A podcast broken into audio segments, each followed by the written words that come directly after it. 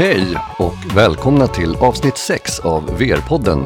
Den enda svenska podden som oavkortat ägnar sig åt VR, AR och MR. Idag har vi ett spännande avsnitt framför oss.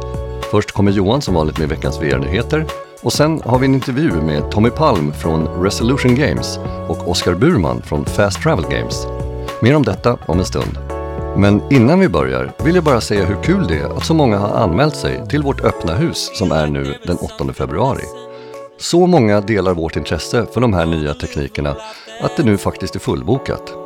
Och för er som inte hann med den här gången, oroa er inte. Det kommer fler tillfällen under 2017 och vi kommer självklart att utannonsera det både på webben och i podden. Men nu, nyheter.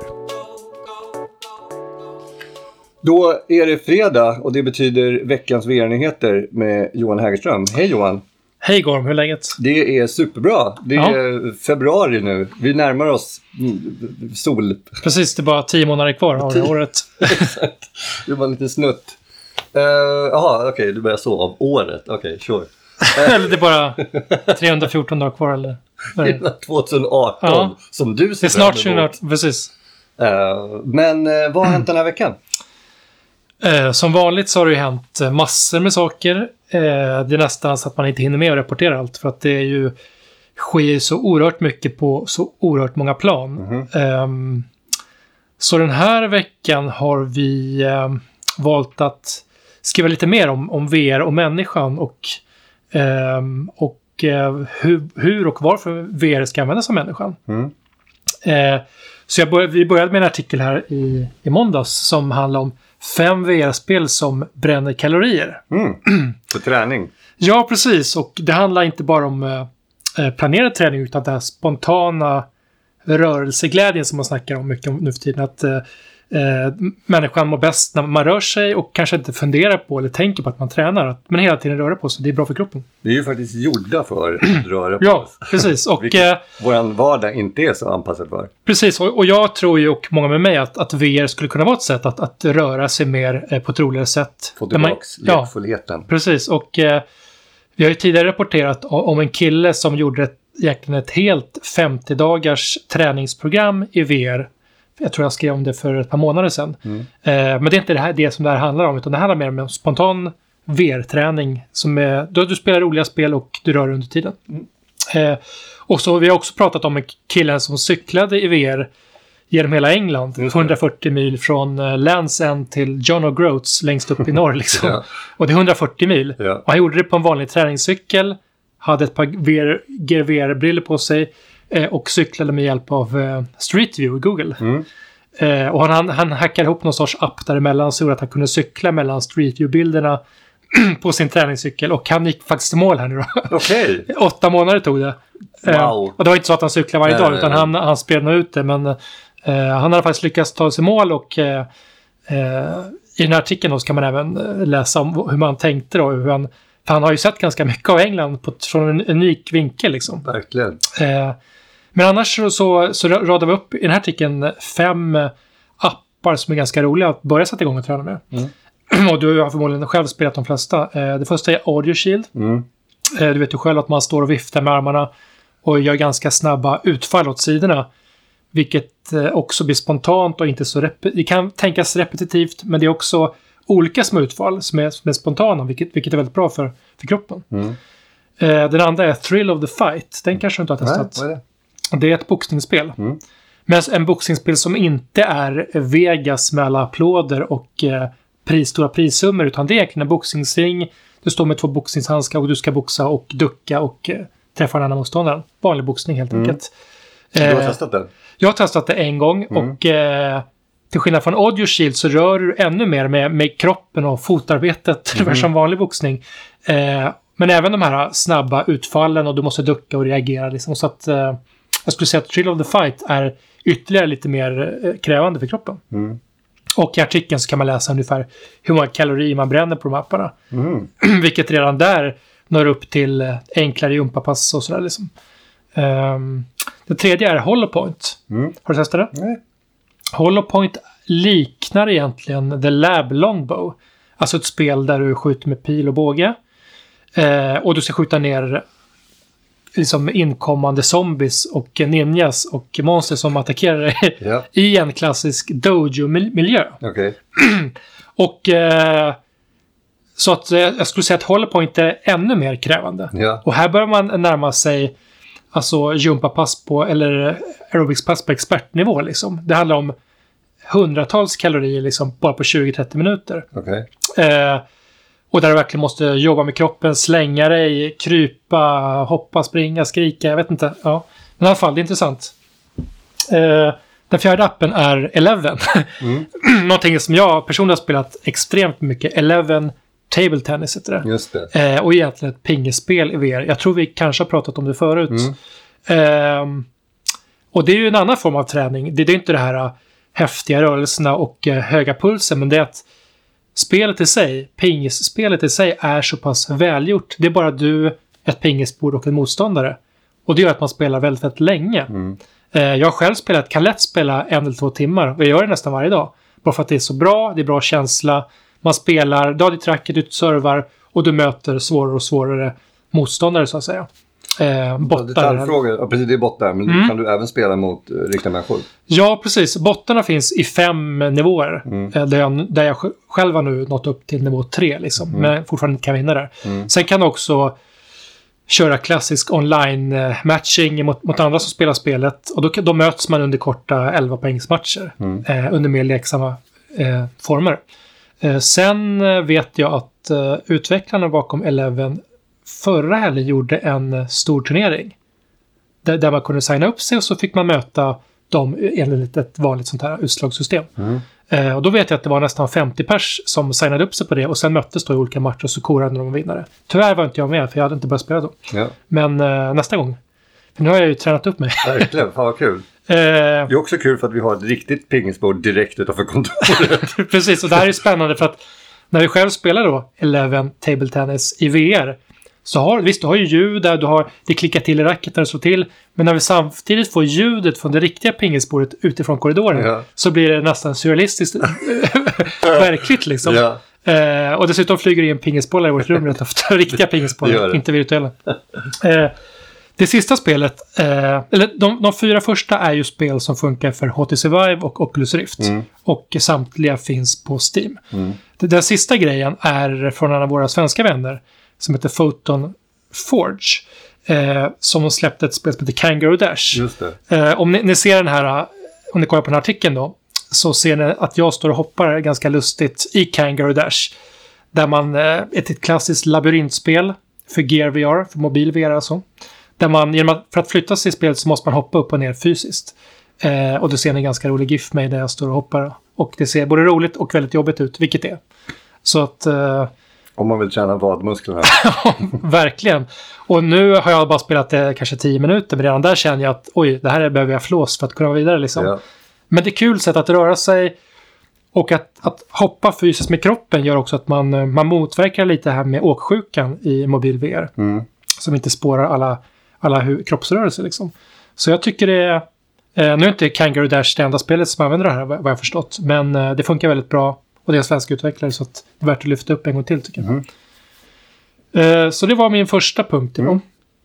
Träning. träning. Eh, viktigt såklart. Mhm. Eh, det andra är eh, minst lika viktigt, eh, men på ett annat plan. Och jag ställde, eller vi ställde frågan här i veckan om VR är skadligt för barn. Mm.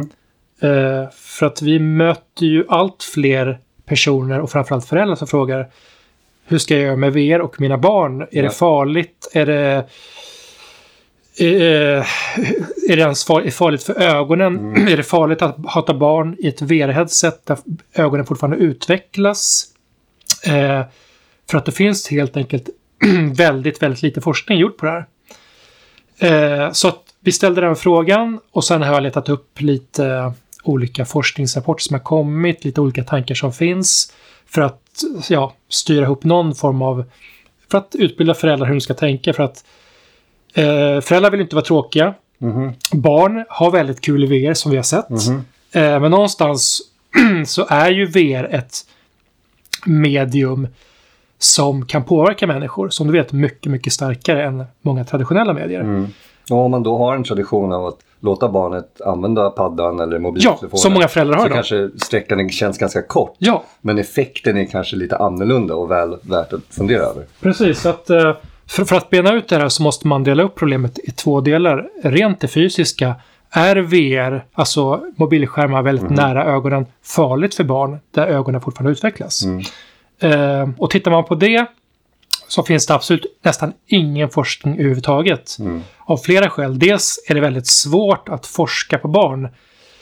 Eh, både ur etisk synpunkt eh, och att de inte är barn speciellt länge. Liksom. Mm. Så att eh, det är svårt att få bra mätbara värden. Eh, om man inte så att säga märker att barns syn plötsligt försämras tio år senare. Som det då vis visserligen finns forskning på. Just det här att barn använder mer digitala medier, sin telefon eller sin platta på en halv meters avstånd. Eh, och där finns det faktiskt forskning som visar att närsyntheten hos barn har ökat med 25 procent sedan 70-talet fram till 2014. Mm. Eh, närsynthet hos barn. Och det är väldigt intressant. Mm. Eh, men...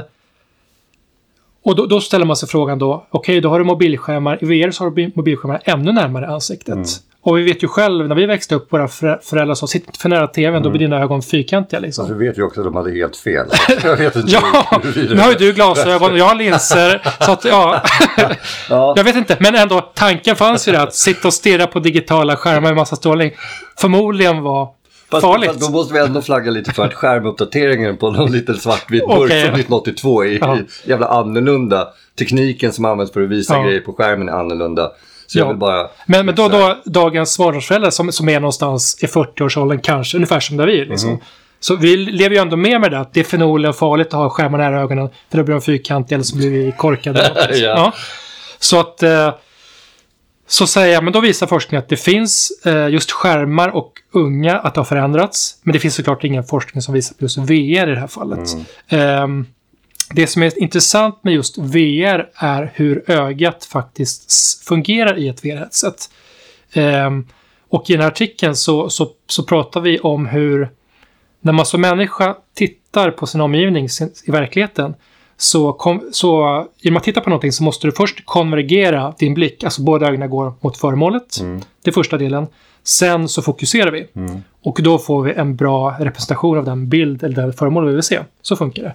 Men när man tittar i ett VR-headset så funkar det på ett annorlunda sätt. För att i och med att VR-tekniken måste eh, göra en konstgjord, ett konstgjort 3D-djup så vi ska känna djupet i bilden.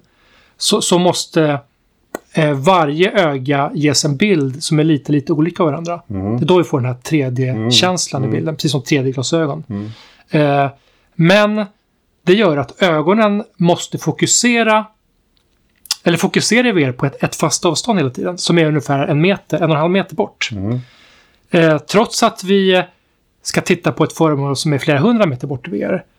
Eh, så först så konvergerar våra ögon på objektet och sen fokuserar vi på objektet. Men i VR så fokuserar vi bara alltid på en och en halv meter. Mm. Det gör att ögat, ögat inte tränar i att fokusera på grejer längre bort. Mm. Som kan då vara en del av den här forskningen som visar att unga blir närsynta. Mm. Eh, så det är intressant. Mm. Och tittar man då på de stora företagen som Oculus och Facebook och HTC och Valve och Sony och så vidare. Så nästan samtliga har sagt att man tycker inte att VR ska användas av barn som är under 12-13 år. Mm. Eh, inte för att det finns så jättemycket forskning Mm, utan man, att man helt säkerhets- enkelt tar det säkra för det Ja. osäkra. För att det vore ju trist om eh, alla barn som spelar VR blir skelögda om 10 år. Mhm. Eller hur? Mhm. Och eh, men eftersom det inte finns någon forskning så måste man ta det säkra och framförallt för att slippa alla miljontals stämningar som garanterat kommer på köpet. Såklart. Ehm, så det är det ena. Men det mentala.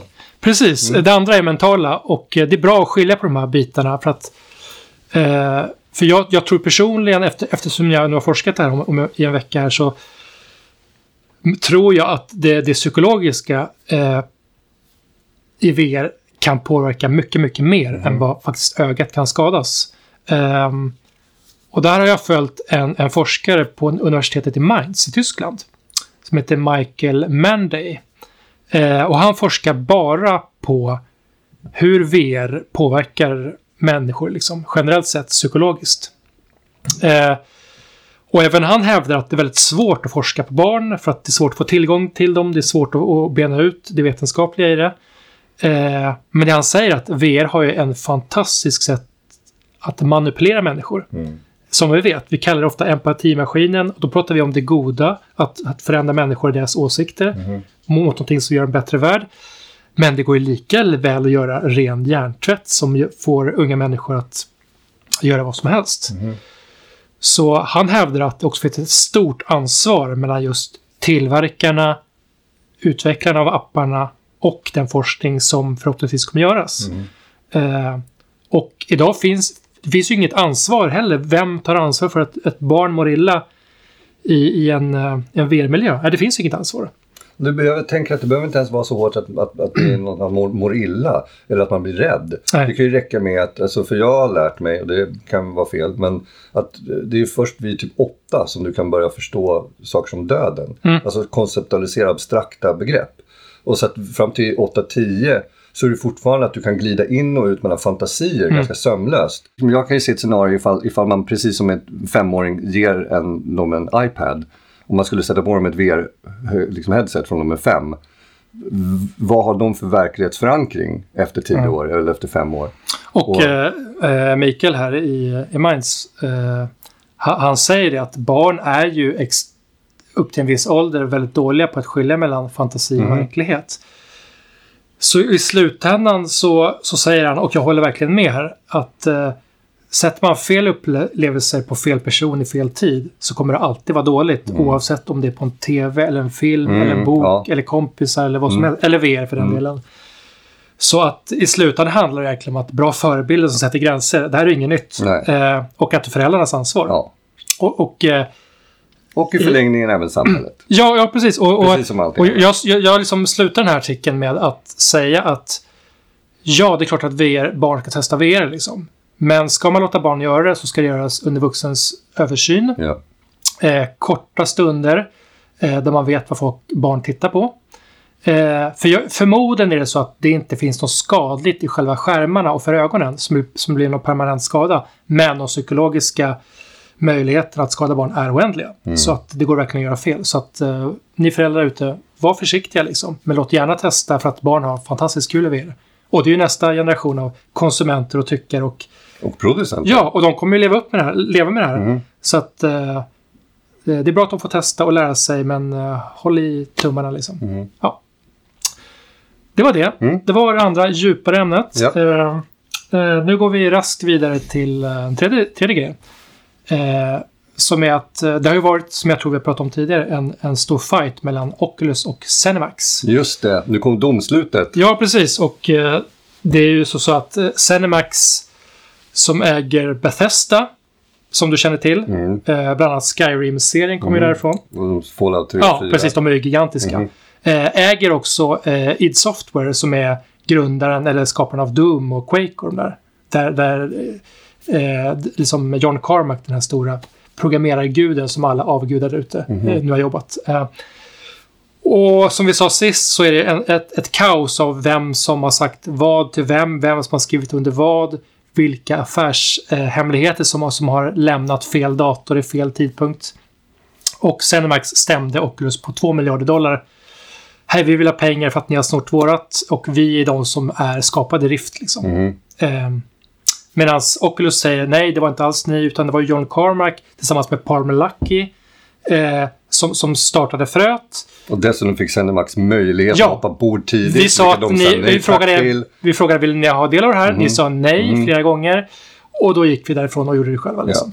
Så nu blev då eh, den första domen att eh, av de här åtta åtalspunkterna, eller stämningspunkterna som Celmax har lagt upp, så eh, bortförklarar de, eller de tar bort sex av dem. Mm. De sa de nej till. Mm. Men två kvarstår.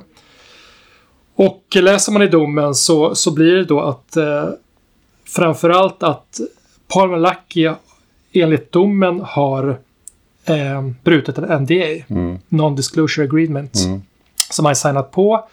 Och att vissa filer har på något sätt har tagit sig från John Carmacks dator, som då ägdes av Cinemax, Mm. In i Oculus källkod. Eh, det, här, det är en ganska komplicerad pro- process det här. Eh, vill man veta mer om det så ska man absolut eh, läsa en artikel som två advokater har gjort för Road to VRs Mm. räkning. Mm.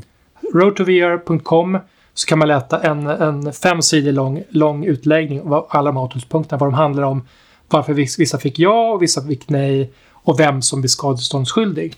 Men i, i slutändan så är det egentligen 500 miljoner dollar Mm. som nu Oculus och Palmer Luckey och Brendan Irby, eh, som är före detta CEO på Oculus, nu ska betala till Cinemax. Det. Eh, och det var några dagar sedan det kom och nu i och med att alla detaljer kommer ut så nu börjar ju såklart ordkriget efter liksom.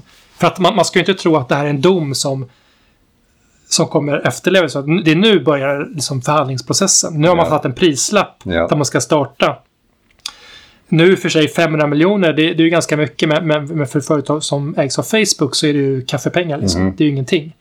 Det har förmodligen eh, Zuckerberg i sin, sin, jag inte, sin soffa liksom. Ja. Eh, och, och varken Parmalucky, jag tror han, han är värderad till 700 miljoner dollar personligen som 21-åring. Ja. Och Brendan Airby är värderad till 2 miljarder dollar personligen. Ja. Så det är, inga, det är inga fattiglappar. Så de har ju då dels att casha ut problemet och att hålla det här kvar i domstolen i oändlig tid. Ja, ja. Precis, för nu Eh. kommer de ju överklaga. så att eh, Facebook kommer självklart överklaga. För de vill, de vill ju såklart inte släppa pengarna. Zenmax ska också överklaga. Trots att de förmodligen är ganska nöjda. Liksom. Det är ganska bra.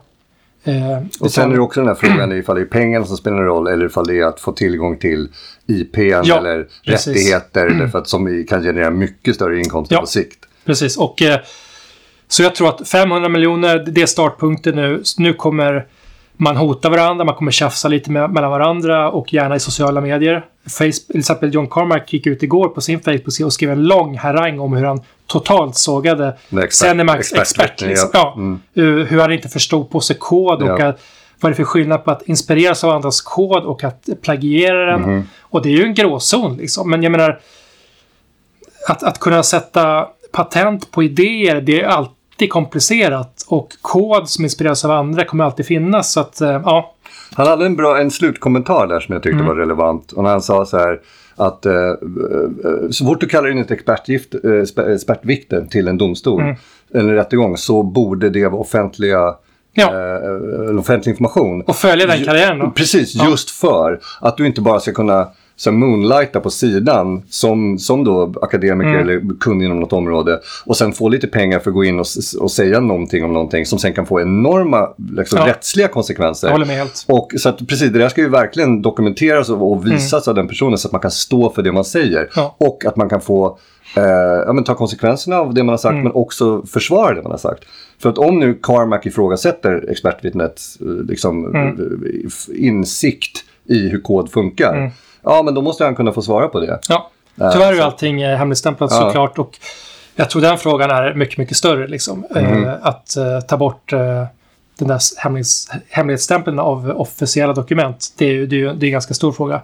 Men eh, jag håller med helt. Och, men det ska bli intressant att följa. Jag tror åtminstone att man kommer lösa det, tvisten. Man kommer göra det bakom stängda dörrar. Mm. Och sen kommer någon summa skickas på något sätt åt något håll. Och så är alla glada och så går man vidare. Liksom. Mm. Och så bara glömmer man det.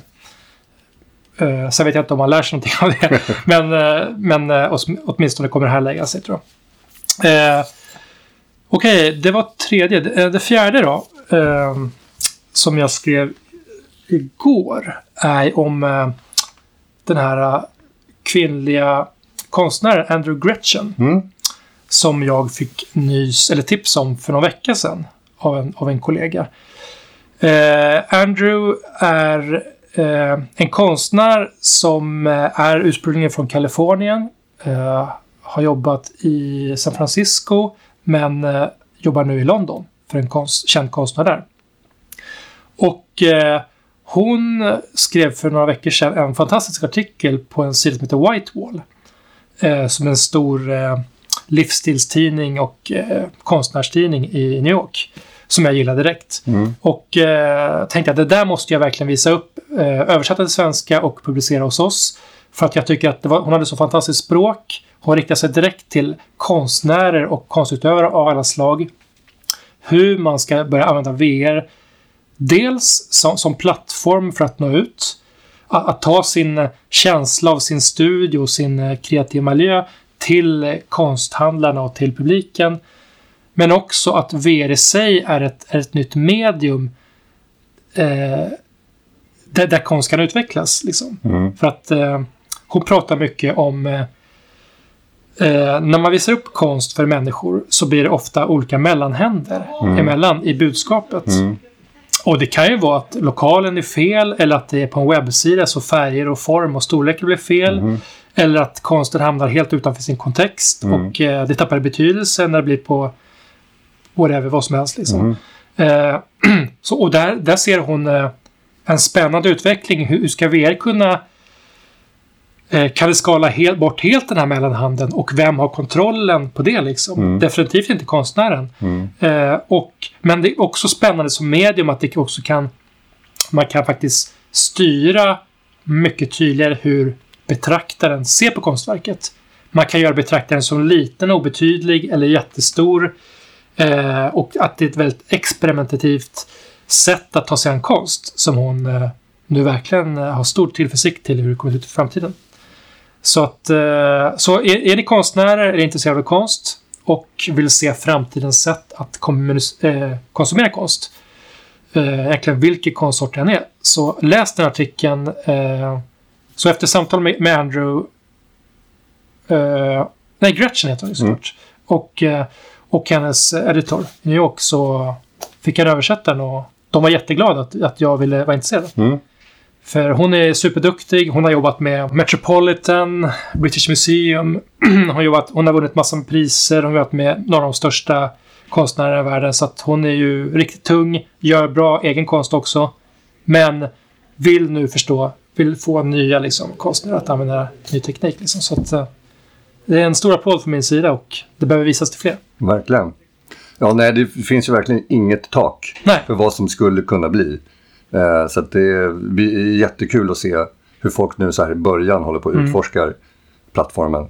Eh, Precis. ja, kul. Och, och, vi, och vi, vi ser också vi ser också det tredje spåret att, att VR i sig blir, blir en egen konstform. Mhm. När, när vi målar i Googles Tiltbrush eller Oculus Medium eller något annat ritprogram så märker vi att det i sig att man kan gå runt i sin målning och sin teckning blir, skapar nya idéer. Allt från konceptdesign till konstnärer som använder redskap och penslar och färg på ett ny, nya sätt. Så att jag tror vi ens, inte ens har sett början på det. Och så, så, så fort vi kan börja länka in också. Så det är flera personer, Ja. multiplayer. Två personer, tre personer, fyra Ja. personer som går omkring ett 3D-konstnätverk och tillsammans bidrar. Ja. Och i realtid gör saker som gör att det förändras. Det kommer bli Ja, häftigt? tokigt häftigt. Ja. Men eh, det var de fyra grejerna jag hade idag. Vad, vad, tack så mycket Johan. Vi, Varsågod. vi hörs igen om en vecka. Det gör vi. Hej då. det bra. Oskar Burman har varit producent och studiochef på bland annat UDS, Avalanche, Electronic Arts och Rovio. För Rovios räkning ansvarade han för deras Stockholmskontor och var med under utvecklingen av Angry Birds 2. För ett år sedan valde han att starta sin egen spelstudio, Fast Travel Games, med inriktning exklusivt på VR-spel. Tommy Palm är entreprenör och spelutvecklare och är väl mest känd för sin tid som vd på mobilspelsutvecklaren King, som med freemium-spelet Candy Crush Saga totaldominerade marknaden under ett par år. Redan 2015 bestämde han sig för att starta Resolution Games, en spelstudio för utveckling av VR-spel. Vi träffades för ett samtal på Tommys kontor. Hej Oskar och Tommy! Hemskt välkomna till VR-podden, avsnitt nummer 6. Fortfarande ganska tidigt ute, jättespännande att ha med er här. Eh, ni är två stycken industriveteraner eh, och ni har båda valt att börja med VR-utveckling. Så det är det vi kommer att prata lite om mest nu. Eh, Oskar, du har en gedigen bakgrund inom, inom spelutveckling. Jobbat på massa olika företag. Ehm, eh, och Tommy, du har samma sak. Du har startat massa egna bolag. Du har liksom mycket, båda ni har varit involverade i de två av de mest framgångsrika mobilspelen som, som har gjorts på senaste år.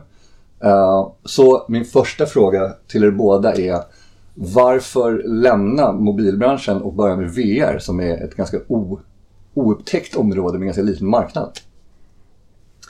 Ja, alltså för mig är det ju lite av en eh, barndomsdröm sådär. Alltså jag, eh, jag såg Lawn Mover Man eh, tillbaka någon gång på tidigt 90-tal kanske var. Eh, men liksom det här att, att få vara i en virtuell värld har alltid fascinerat mig jättemycket men det har liksom aldrig riktigt funnits någon möjlighet inom spelsegmentet. Så att när det väl började hända här nu så kände jag att jag måste in här på något sätt. Eh, sen den andra orsaken till att jag inte gör mobilspel idag är väl att mobilbranschen är oerhört svår. Och liksom, jag ville starta ett nytt bolag men att ta sig in på mobilsidan är det är mördande konkurrens. Mm. Det finns så många spelare som är inne där och, och, och, sliter med blod, svett och tårar för att få ut sina produkter. Eh, så att eh, det kändes roligare helt enkelt att hoppa på en ny plattform. Tommy, VR?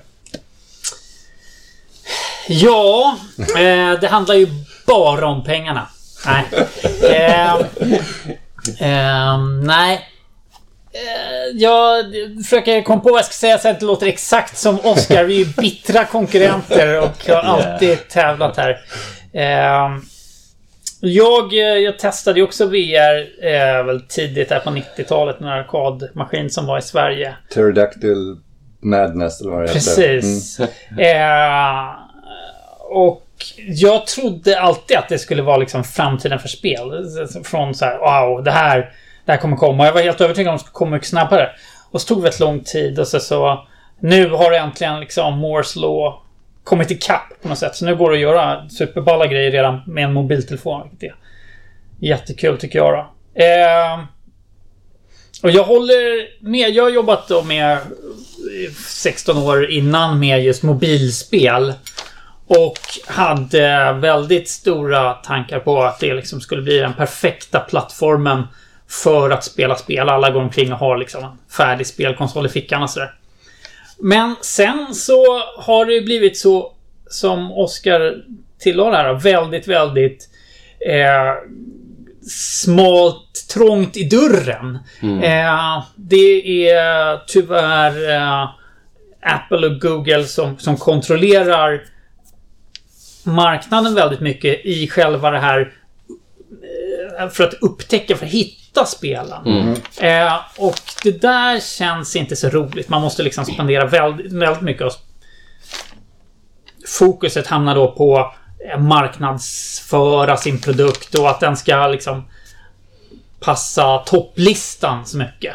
Mm. Och det är inte jag så intresserad av nödvändigtvis. Jag, jag eh, hade hoppats mer på att eh, skulle stöd vara enklare för indieutvecklare och och ta fram mer nischade spel som nådde ut sin marknad. Där Steam har varit bättre på att stödja den. De, mm. också, de är också, precis som Apple och Google, mm. ett företag. Men de är i alla fall inte lika... Mm. De är närmare spelen och känns som att de investerar mer av sina... Återinvesterar mer av pengarna i spel. Vilket Apple och Google, de är drivna av liksom... Framförallt Apple då, hårdvaran. Det är så de tjänar sina pengar och det syns så tydligt på mm vilka spel de promotar och sådär. Och de jobbar inte speciellt nära utvecklarna. Så. Ja, det var ett långt svar på en kort fråga, men det är väl lite det. Men jag, jag skulle just bara lägga till det. Jag tycker också att tyvärr, precis som du är inne på, innovationsgraden är ju så låg på mobilsidan idag. Det, det är liksom så mycket som känns likt. Jag känner igen segmenten av spelen, jag känner igen mekanikerna och så har vi satt på ett nytt IP. Men du vet, det är mycket som är sig likt.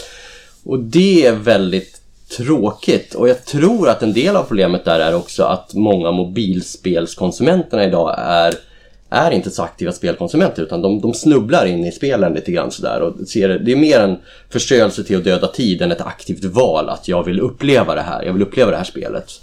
Uh, och det gör att marknaden driver åt det hållet på något sätt. Uh, ja men är det inte lite konstigt? Jag menar alla vi som älskar spel på, på konsol och sådär vi har en mobiltelefon och vi skulle, ja. vi skulle ju verkligen uppskatta supermycket att istället för ja. att behöva köpa en Nintendo DS bara kunna spela ett riktigt djupt härligt äventyrsspel på vår mobiltelefon. Mm. Mm. Enda stora grejen det är ju kontrollerna. Kontrollerna mm. på mobiltelefonen är... Mm. Ja, man får tänka av. Ja, men de är också sådär väldigt begränsade. Mm. Man kan göra bra enknappsspel. Mm. Men det är svårt att ens liksom styra en karaktär som går runt i en mm. virtuell värld på, på ett bra sätt. Mm. Det känns ofta lite krystat och mm. inte alls lika bra som en, en D-pad och en analog. Men det här med Walled Gardens och med uh, eh, liksom, ja, liksom företag som äger och har sina listor och det är de som blir redaktörerna för vad som syns och sådär. Varför skulle inte det här upprepas i VR-spelsbranschen och framförallt då mobil-VR? För nu, ni har ju precis släppt eh, Glade, Wonderglade för Pixel för Daydream-telefonen. Ja. Och då är frågan, kan, kan inte det där bara återupprepas i ny... Ja, det kommer ju förmodligen göra det. Så, så enkelt är det ju. Jag tror ju eh, på, må på många sätt och vis så mobil spelsutvecklingen den visar lite vad som kommer hända inom de andra plattformarna också. Och där är det ju helt enkelt så att ska man som spelutvecklare behålla eh, den intressanta affärspositionen. Då behöver man se till att man gör spelet gratis, får ut det till så många som möjligt och förstår hur man ska ta betalt för saker och ting in i spelet. Men tyvärr, den saken är väldigt, väldigt komplex. Och kräver mycket folk som jobbar med det och, och konstanta uppdateringar till spelet. Så det är lättare att göra på storproduktioner än vad det är att göra på små grejer. Och så här tidigt i marknaden som VR-marknaden är just nu så vill man vara väldigt snabb på att få ut saker och ting till marknaden. Det händer väldigt mycket. Vi ser att eh, produktcyklarna på hårdvaran kommer vara ganska korta i början.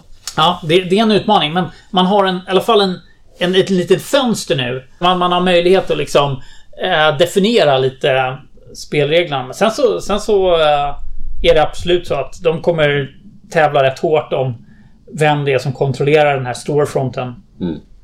Eh, men där är att göra det gratis igen ett sätt som spelutvecklare att försöka få tillbaka lite av den eh, kraften till sig själv. Mm. Ja, men mycket av det idag, det som är väldigt kul är ju att, att mycket av reglerna inte är satta heller för vilka spel som funkar. Ja. Det är verkligen som det tidiga App Store. Man, man, man fick prova väldigt många olika saker och sen hittar man några genrer och några interaktionsmodeller som faktiskt är väldigt roliga för det unika interfacet som, som är i det här fallet i VR. Då.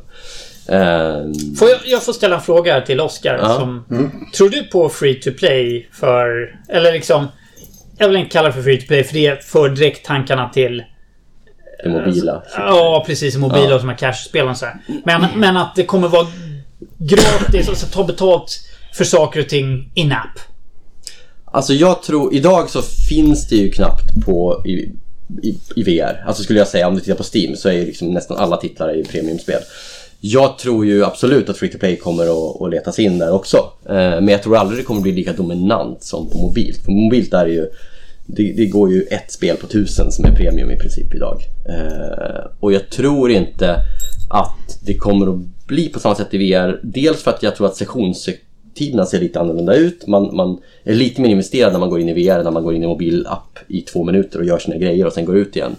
Eh, och också att längden där, spellängden är lite annorlunda. Så jag tror att det finns lite innebyggda saker, att man flyr till ett annat universum gör att man kanske inte kommer att jobba riktigt lika hårt med den. Men ja, jag tror att det kommer bli ändå en majoritet av spelen som är free. Jag tror helt tvärtom. Jag tror att i och med att man... Att sektionslängderna kommer bli längre. Så Ja. kommer, man, kommer man hitta sina spel som... Det kommer bli lite som Facebook. Jag kommer, Ja. vara, jag kommer vara i det här spelet och det är där jag spel, Det är där jag träffar mina kompisar. Det är där vi gör saker och ting tillsammans. Men kommer jag, är inte så ha- vansinnig, jag kommer inte vara så vansinnig liksom, om vi tittar 5-10 års bort. Jag kommer inte vara vansinnig att testa jättemycket olika spel. Utan jag kommer gå in i någon värld som jag, som jag älskar och som, som jag verkligen tror på. Men tror du inte du kommer att göra i köp i den världen då? Jo, absolut. In i den världen ja. Ja, Men inte jo, men ju i Steam. Liksom. Jag kommer inte köpa... Det kommer inte se ut som eh, PC-marknaden gör idag. Mm, okej. Utan det kommer se ut mer som mobilmarknaden. Jag är inne i mitt spel som jag Ah, ja. lirar just Mm. nu. Eh, och det är den leverantören som kommer få alla mina pengar. Ready Player One. Du går in i en värld och så är du där och så har du eh, massor av olika upplevelser i den världen. En hubb, alla upplevelser.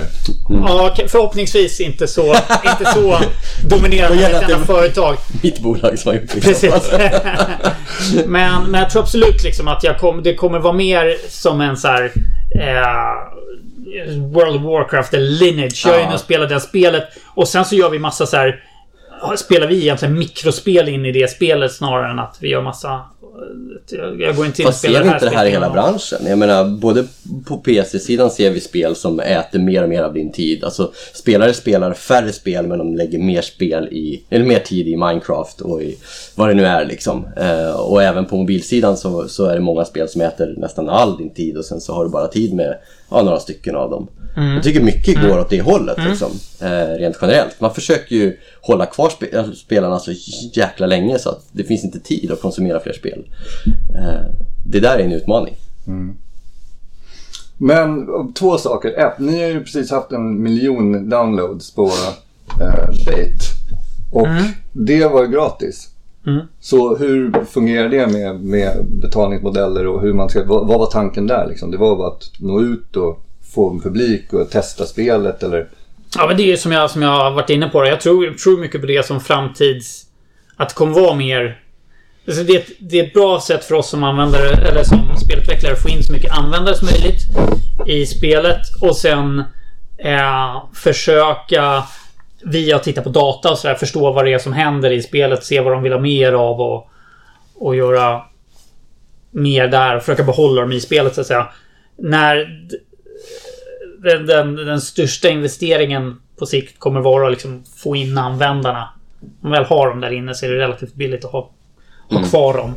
Eh, så att eh, vi, just nu är det fortfarande...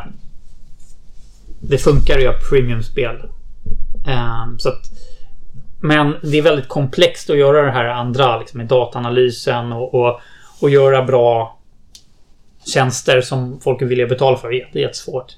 Så därför vill man bolag börja bygga upp den kunskapen så snart som möjligt. Så det, det är primärt därför. Mm. Jag tänkte just fråga, fråga till dig. Hur stor är...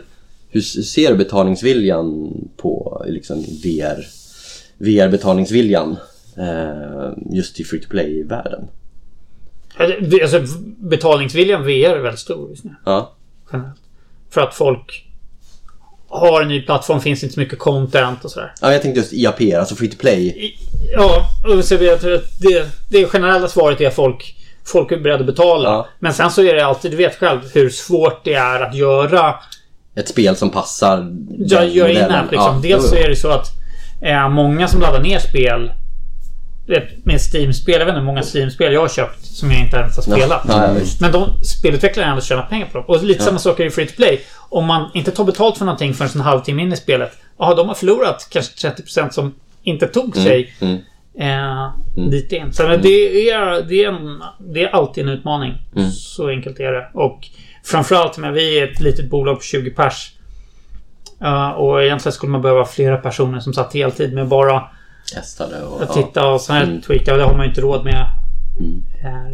Eh, då- ni svarade, tangerade ju det här lite tidigare, men ni har ju båda varit helt tidigt ute. Du startade Resolution 2015 och du startade Fast Travel 2016. Och det är liksom 2016 var år ett av VR. Så varför nu och varför inte om ett par år? Anledningen för mig var att jag brukar jämföra med mobilsidan igen och, och tittar man de bolagen som blev dominanta på mobilt så var det de som gav sig in tidigt eh, och experimenterade sig och, och lärde sig hur plattformen såg ut, vad som funkade, vad som inte funkade, vilka genrer funkar och så vidare och eh, började släppa titlar tidigt. Eh, många förläggare gav sig ju inte in förrän, förrän senare och det var därför som de kanske var tvungna att köpa sin i många fall för att komma högt upp på listorna. Så jag tror man behöver vara där tidigt för att, eh, för att ha en chans att lyckas. Ja, men är det så då? Är det så att de som är de, de topplisteföretagen kom, gick in tidigt?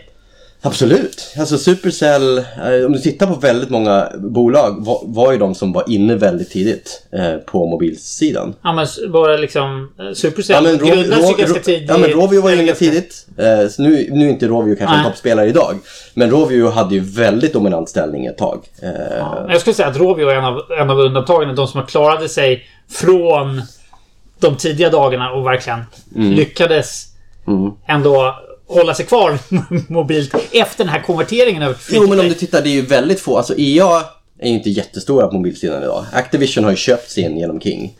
Ubisoft är ju i princip obefintlig på mobilsidan. Så alla de här stora traditionella spelutvecklarna har ju inte lyckats så jättebra. Nej, nej, inte. EA kanske har lyckats bäst. Eh, och de är väl en topp eh, 20-spelare kanske. Om man tänker utvecklingsmässigt, vad har ni kunnat, vilka lärdomar har varit översättningsbara från mobilspelsutveckling till VR-spelsutveckling? Jag kan börja där. Eh, jag tycker en av de stora grejerna som jag tar med mig från mobilspelsutveckling är att, är att det är mycket fler som kan tänka sig vara spelare av spel om spelen är tillräckligt enkla. Jag svär fortfarande ofta över konsol. Jag älskar... Jag är hardcore-spelare själv. Jag älskar bra konsollirare och så här, Men jag tycker att det är så mycket tekniskt dumma grejer som hindrar upplevelsen. Allt från att man slår på sin Playstation och man har liksom en timmes uppdateringsväntan innan man kan starta spelet. Och där tycker jag att mobilspel har varit väldigt bra på att fatta att Mm. spelarens verklighet är det som går först. Man måste kunna sluta spelet när som helst. Det ska inte vara så att det finns ingen save points förrän som en halvtimme. Så mamma ropar liksom ja. att middagen är klar. Så bara nej, jag kan inte komma och käka. Och det är klassiker i... i det är for- fortfarande så i konsolspel. Av ingen anledning annat än att de är lata på Nintendo och inte orkar implementera ett vettigt system som gör att man Ja. kan hoppa in och ut precis när man vill. Eh, så där, där tycker jag det finns mycket att ta med sig från mobilsidan. Annars, generellt sett så är det två väldigt olika plattformar. VR är mycket mer appointment gaming, precis. Som konsol. Att man... man Utveckla appointment gaming? Eh, man, man, man har eh, liksom en tidpunkt. Nu vet jag att nu kan jag spela. Nu har jag en timme. Jag sätter mig i soffan. Nu ska jag spela mitt spel. Medan mobilen har man med sig i fickan. Eh, nu plötsligt blev det lite tid över. Nu får jag sitta och s- döda lite tid här.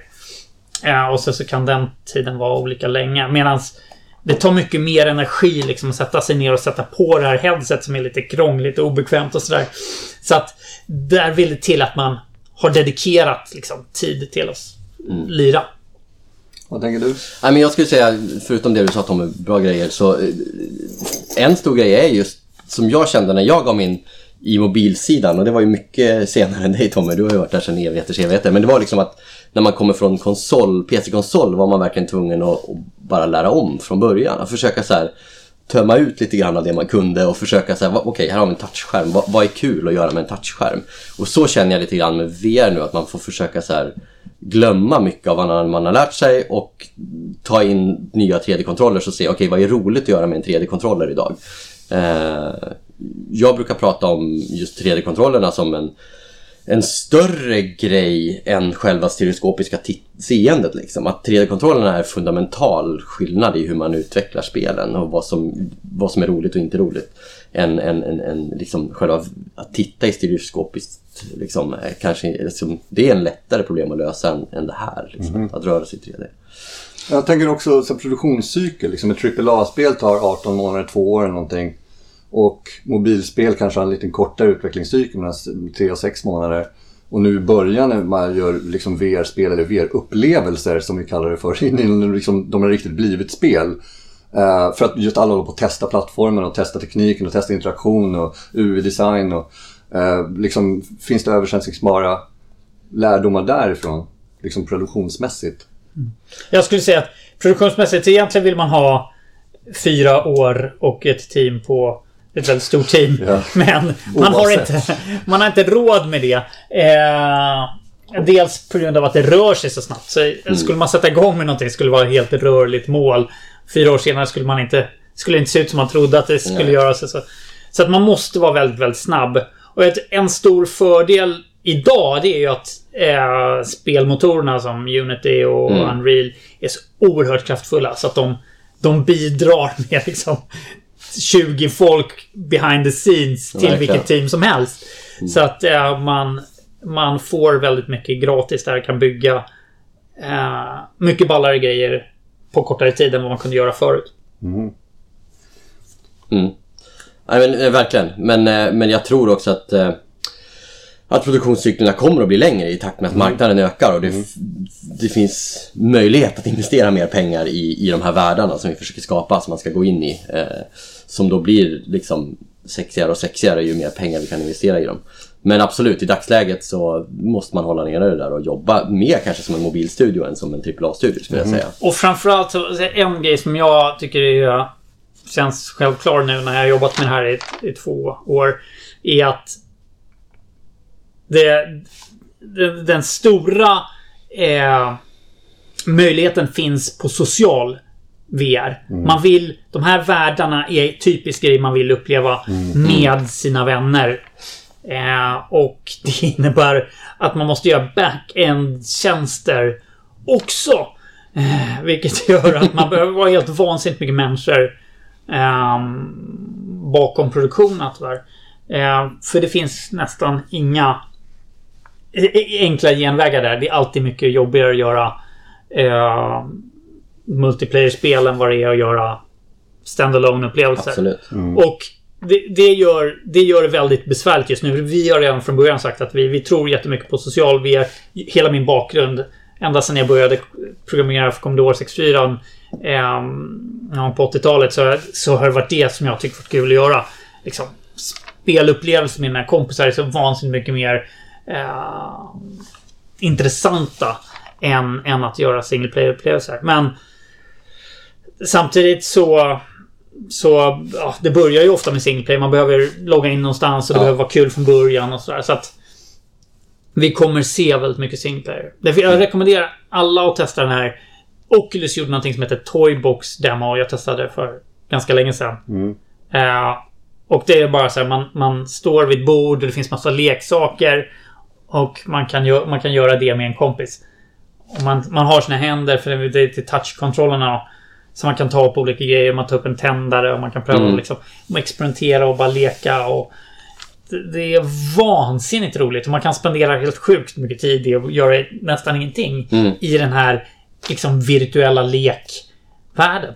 Så att det där, det där tror jag jättemycket på. Ja, alltså socialt kommer bli hur stort som helst. Och jag menar, har man en Vive kan man prova Rec Room som är också att man går in och, och spelar, man kan bara kasta bollar till varandra eller liksom spela lite paintball och sådär. Och det, är- det är så himla kul att gå in och bara Plötsligt möts man av någon fransman som man börjar bolla med och det är liksom, det är bara, bara att man ser varandra så börjar man göra saker ihop. Och ofta ganska trevliga saker. Det brukar inte bli att man liksom går och slår varandra utan det blir liksom en dialog och man hör varandra stå och prata och fånga den nu då. Så, så det, det Spel har ju alltid varit så vansinnigt bra på liksom skapa den här connection mellan Mm. människor. Eh, att, att man... Det är någon man inte känner, man går in i ett så här... Man ska testa något spel tillsammans och plötsligt så har man jätteroligt det. med varandra direkt. Och bara bryter alla så här sociala eh, barriärer. Så där, där är en jättespännande grej. Sen är en av de största utmaningarna med VR, tycker jag, det är att man inte kan röra spelkroppen eh, utan att man blir illamående. Och det där är ett jättedesignproblem. Eh, vi har ju hittills löst alla våra produktioner på det sättet att vi, eh, vi gör spel där man är stillastående. För så fort man då rör på den virtuella kameran skilt från användarens huvudrörelse. Det blir väldigt tekniskt men det här, det här är ett av de, de svårigheterna det kallas för cybersickness och är liknande åksjuka. Eh, och det är väldigt besvärligt när man får det. Det är väl den, den stora ehm, kritiken till många av de här Playstation Mm. VR-spelen då. Att de ignorerar det lite grann. Och Mm. Jag hörde någon tekniker som sa att nej, men det har löst i att de- deras hårdvara uppdateras så snabbt att det inte skulle vara något problem. Men det har inte med det att göra utan det har Nej. med hur hjärnan fungerar. Det, det, verkar inte, tycker jag, som att det kommer någon snabb, snabb lösning. Några har sagt att så här, ja, man kan ta åksjuketabletter men det känns väldigt hardcore. Här har jag läst en del research där de håller på att titta på hur de kan påverka balanssinnet med hjälp av ljudvågor på olika sätt. Men det, där, det är ju fortfarande labb, labbmiljö liksom. De, det där ligger långt in i framtiden. Vi har sagt så att vi gör inte spel där vi förflyttar spelarna på det sättet. Alltså inga, inte flyga runt eller rollercoasters eller bilar som kör snabbt och sladdar liksom. Utan det, man får bygga långsammare upplevelser där det är spelaren som rör på kameran och ingenting annat liksom. Då, då klarar man de flesta andra lägena. Men det ställer ju jättestora begränsningar på vad man kan bygga såklart. Ja, för där försvinner ju hela, Hela det där är liksom att kunna simulera världar ordentligt. Mm. Försvinner ju om man inte kan förflytta sig från ett rum till ett annat. Det finns ju den här lösningen, man teleporterar sig, men det är ganska clunky och hardcore och Ja. man tappar en del av den här Immersion. Ja, precis. Det, här, det som gör att det är så fantastiskt att använda virtuella händer och direkt liksom kunna ta på grejer. Mm, mm. Skyrim... Skyrim är ett av mina s- så här, spel som jag... Eh, vet, ända från de här tidiga dagarna av, av liksom eh, arkadspel så känner man att den dagen när spelen kommer vara man är verkligen i en värld, man Ja. skjuter en pil på en. Den, man kan ta den pilen från väggen och skjuta tillbaka. Och där, Skyrim är lite det typen av spel tycker jag. Så det var så här, drömmen, slutmålet. Men det kommer ju ta Mm. ett tag innan det blir en bra VR-upplevelse. Fallout 4 kommer ju i höst. Till VR. Ja, jag är lite rädd att det liksom är en port och inte att man har byggt det från... Ja, de ty- jag läste någon not bara eller häromdagen där de tydligen ska försöka jag vet inte exakt Ja, okej. hur de kommer lösa det, men VR till det så att det inte bara blir en port. Liksom. Eh, Bara en visuell förändring, utan även att de ändrar kontroller och UI. Liksom. Mm. Eh, Men precis, och det här är också eh, problem eller utmaningar som ni har ställts inför nu. Vad är de, vad är de förutom då locomotion, rörelse i spelet, så här, är det några andra grejer som ni har stött på som, som ni inte visste om innan ni började, som ni var tvungna att lösa liksom? Just som för VR. Nej, men för oss har det varit, alltså, förutom locomotion så är det ju att tänka om hela gränssnittet och hur interagerar jag med saker och ting? Hur representerar jag ett, ett interface i den här världen? Har man det ens på det sättet? Ehm, och sen är det klart att man, man måste tänka på hur avancerade scener man bygger för att det, det här måste rulla liksom i 90 frames eller snabbare. Så att det är ju det är liksom det är verkligen det är en hård limit liksom. Att tappar man det så då, då, då gör man ju folk illamående och det kan man inte göra. Så att man behöver verkligen tänka ett steg extra på performance skulle jag säga. Varför är, har Sverige ett sånt bra klimat för spelutveckling? Ja, det är en klassiker. Eh, ja, men det... det, det... Men det är ju lite förvånande, är det inte det? På en befolkning på typ 10 miljoner. Men jag tror att en av de stora grejerna det är att vi började väldigt tidigt med spel. Spel, vi hade... Vi var ett väl utvecklat land. Det fanns... Eh, Eh, social välmående och vi, vi fick... Eh, vi hade mycket fritid och kunde spela spel i tidig ålder. Så att vi, vi, är, vi är ett gäng som har vuxit upp med det. Och sen så kommer det nya generationer som, som eh, också har vuxit upp med det och där, där det har funnits bra föregångare och sådär. Eh, många har pratat om klimatet, att, att det är kallt och jävligt och mörkt. gör ju att det, det är trevligt att sitta och spela in ett spela spel. Så att senast hela dagen igår pratade med min fru om vi skulle ut och springa. Ja, så vi, vi ska bara spela Diablo 3 lite till. Och så tittade vi på klockan igen och var den 23.00. Det blev ingen spring. Så att eh, det, det är några av de grejerna. Sen så blir det lite så här att i takt med att eh, folk är framgångsrika så föds ju lite en bransch. Flera jobbar i branschen och lär sig och så hoppar några av och så vidare. Så blir det nya företag. Så. Men förutom det du har sagt skulle jag gärna lägga till, ja men du vet den hemdator-PCn som man fick där, många fick på, på mitten av 90-talet, gjorde mycket. Eh, Men kanske en, en av de större bitarna idag varför vi är så framgångsrika tror jag också är att vi väldigt tidigt började utbilda för spel. Alltså redan tidigt 2000-tal så började det formas några av de första spelutbildningarna i Sverige och det var, det var väldigt tidigt i världen Okej. för att ha spelutbildningar och det är ju många av dem idag som driver många av de här storbolagen. Alltså det är ju oerhört mycket folk idag som jobbar i spelbranschen som kommer från Future Games eller Game Assembly eller någon av universitetsutbildningarna. Eh, Skövde har gjort jättemycket där till exempel. Och ni har ju själva varit med och foundat Stugan som ett sätt för att just bidra till den här kulturen. Vill du berätta någonting? Vill du plugga Stugan lite? Det vill vi alltid passa på att göra. Det är ett jätteroligt eh, non-profit-projekt som vi sysslar med på vår fritid, jag och Oskar. Eh, där vi tar folk till de vilda skogarna, urskogarna utanför eh, Falun och de får sitta och jobba i två månader på sina spelprojekt. Eh, så vi tar 20 personer från, från hela världen som ansöker. Eh, och eh, det där har varit extremt roligt och inspirerande Mm. att komma ut och, och se hur, eh, hur duktiga de är. Och det som är unikt med konceptet, förutom att vi sitter eh, ute i Skogen. skogen, är att eh, vi inte tar någon, någon stake i själva deras spel eller deras bolag. Så att de kan... eh, De behöver inte bry sig om vad det är för regler i Sverige eller någonting så här, utan vi får verkligen från hela världen. Vi hade folk från Nya Zeeland och USA och Kanada och det, Sydafrika och alla möjliga grejer. Så det, det är jättekul och det blir världens härligaste community och folk har, har varit jättebra på att hjälpa till och, Mm. och liksom donera pengar från alla möjliga eh, framgångsrika eh, privatpersoner är det som, från spelbranschen som, som är med och, och står för, för kalaset. Så det är jättekul. Vad vi har märkt också är att många, vi har bjudit in folk från branschen att komma och föreläsa eller träffa de här personerna. Och de, ofta har ju de kommit tillbaks dubbelt så energifyllda som, Ja. som kanske liksom sen innan de, innan de åkte. För att just det, det har varit så fantastiskt kul för dem att möta den här nya generationen spelskapare.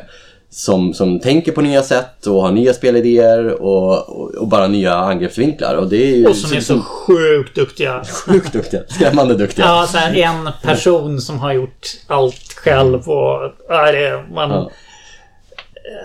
man blir lika förvånad varje gång hur, hur, hur extremt eh, mycket Dedikerade. effektiva de kan vara med, med dagens verktyg. Ja, Om de gud verkligen är Verkligen. upplärda på det från början. Mm.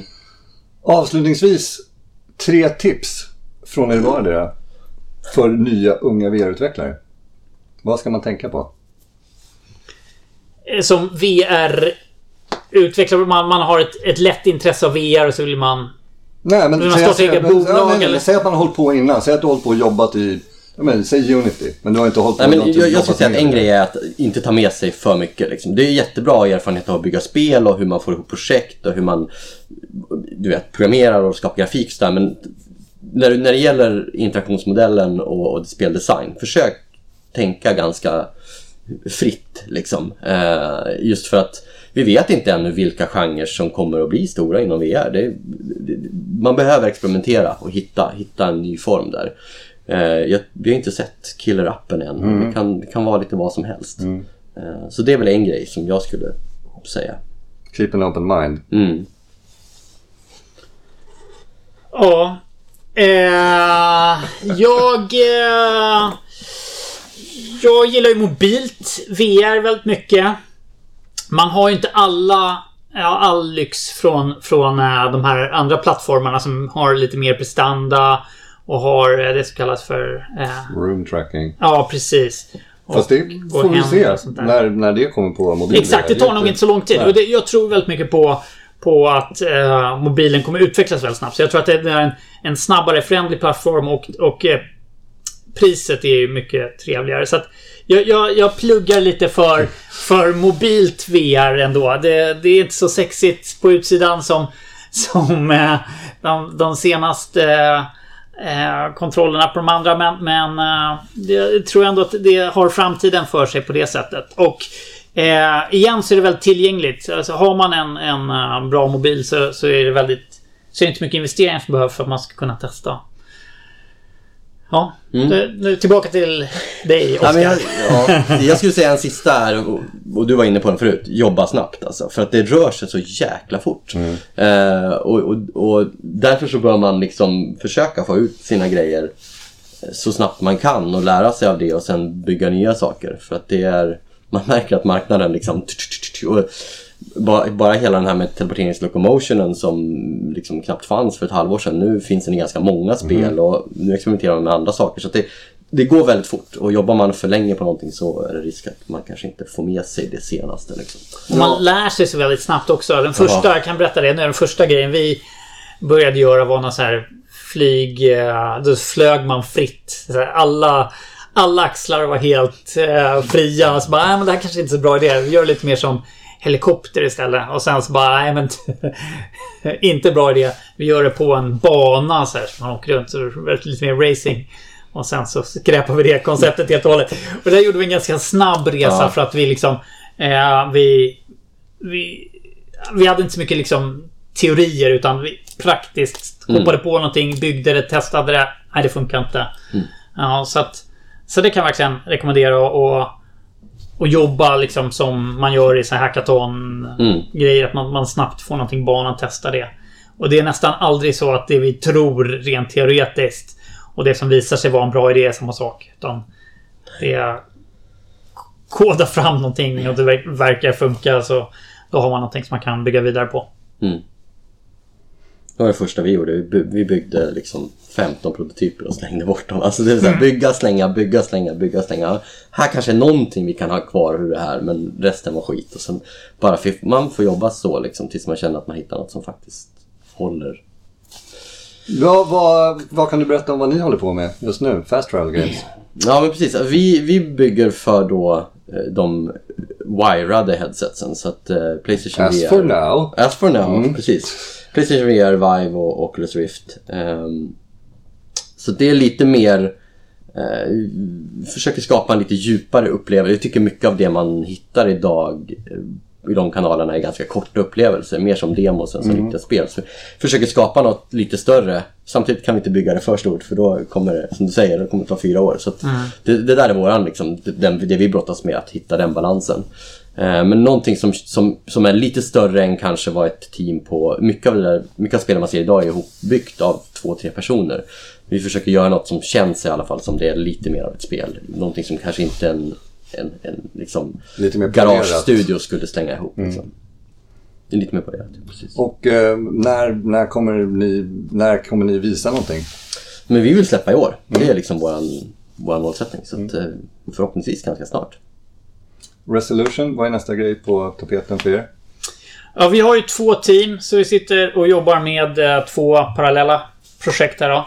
Och inget av dem är avslöjat än så länge. Så att eh, jag kan nog inte säga så mycket mer i det här läget annat än att vi fortsätter jobba med mobilt och eh, eh, som jag sa är vi väldigt nyfikna på sociala grejer. Så det är någonting som jag gärna vill få ut någonting genom. Coolt. Eh, Oskar och Tommy, tack så hemskt mycket för att eh, ni kom hit. Och, eller för att jag kom, jag kom till er faktiskt. Men för att ni ville vara med i podden.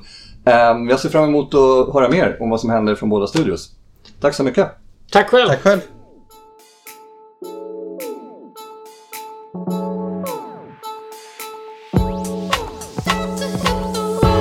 Och det här var allt vi hade för den här gången. Kom ihåg att skicka tips, idéer och feedback till gorm.vrsverige.se gorm.vrsverige.se Vi har precis bara kommit igång med podden och det finns all möjlighet för förbättring. Om vi inte syns på vårt öppna hus på onsdag så hörs vi igen om en vecka. Ha en fin helg!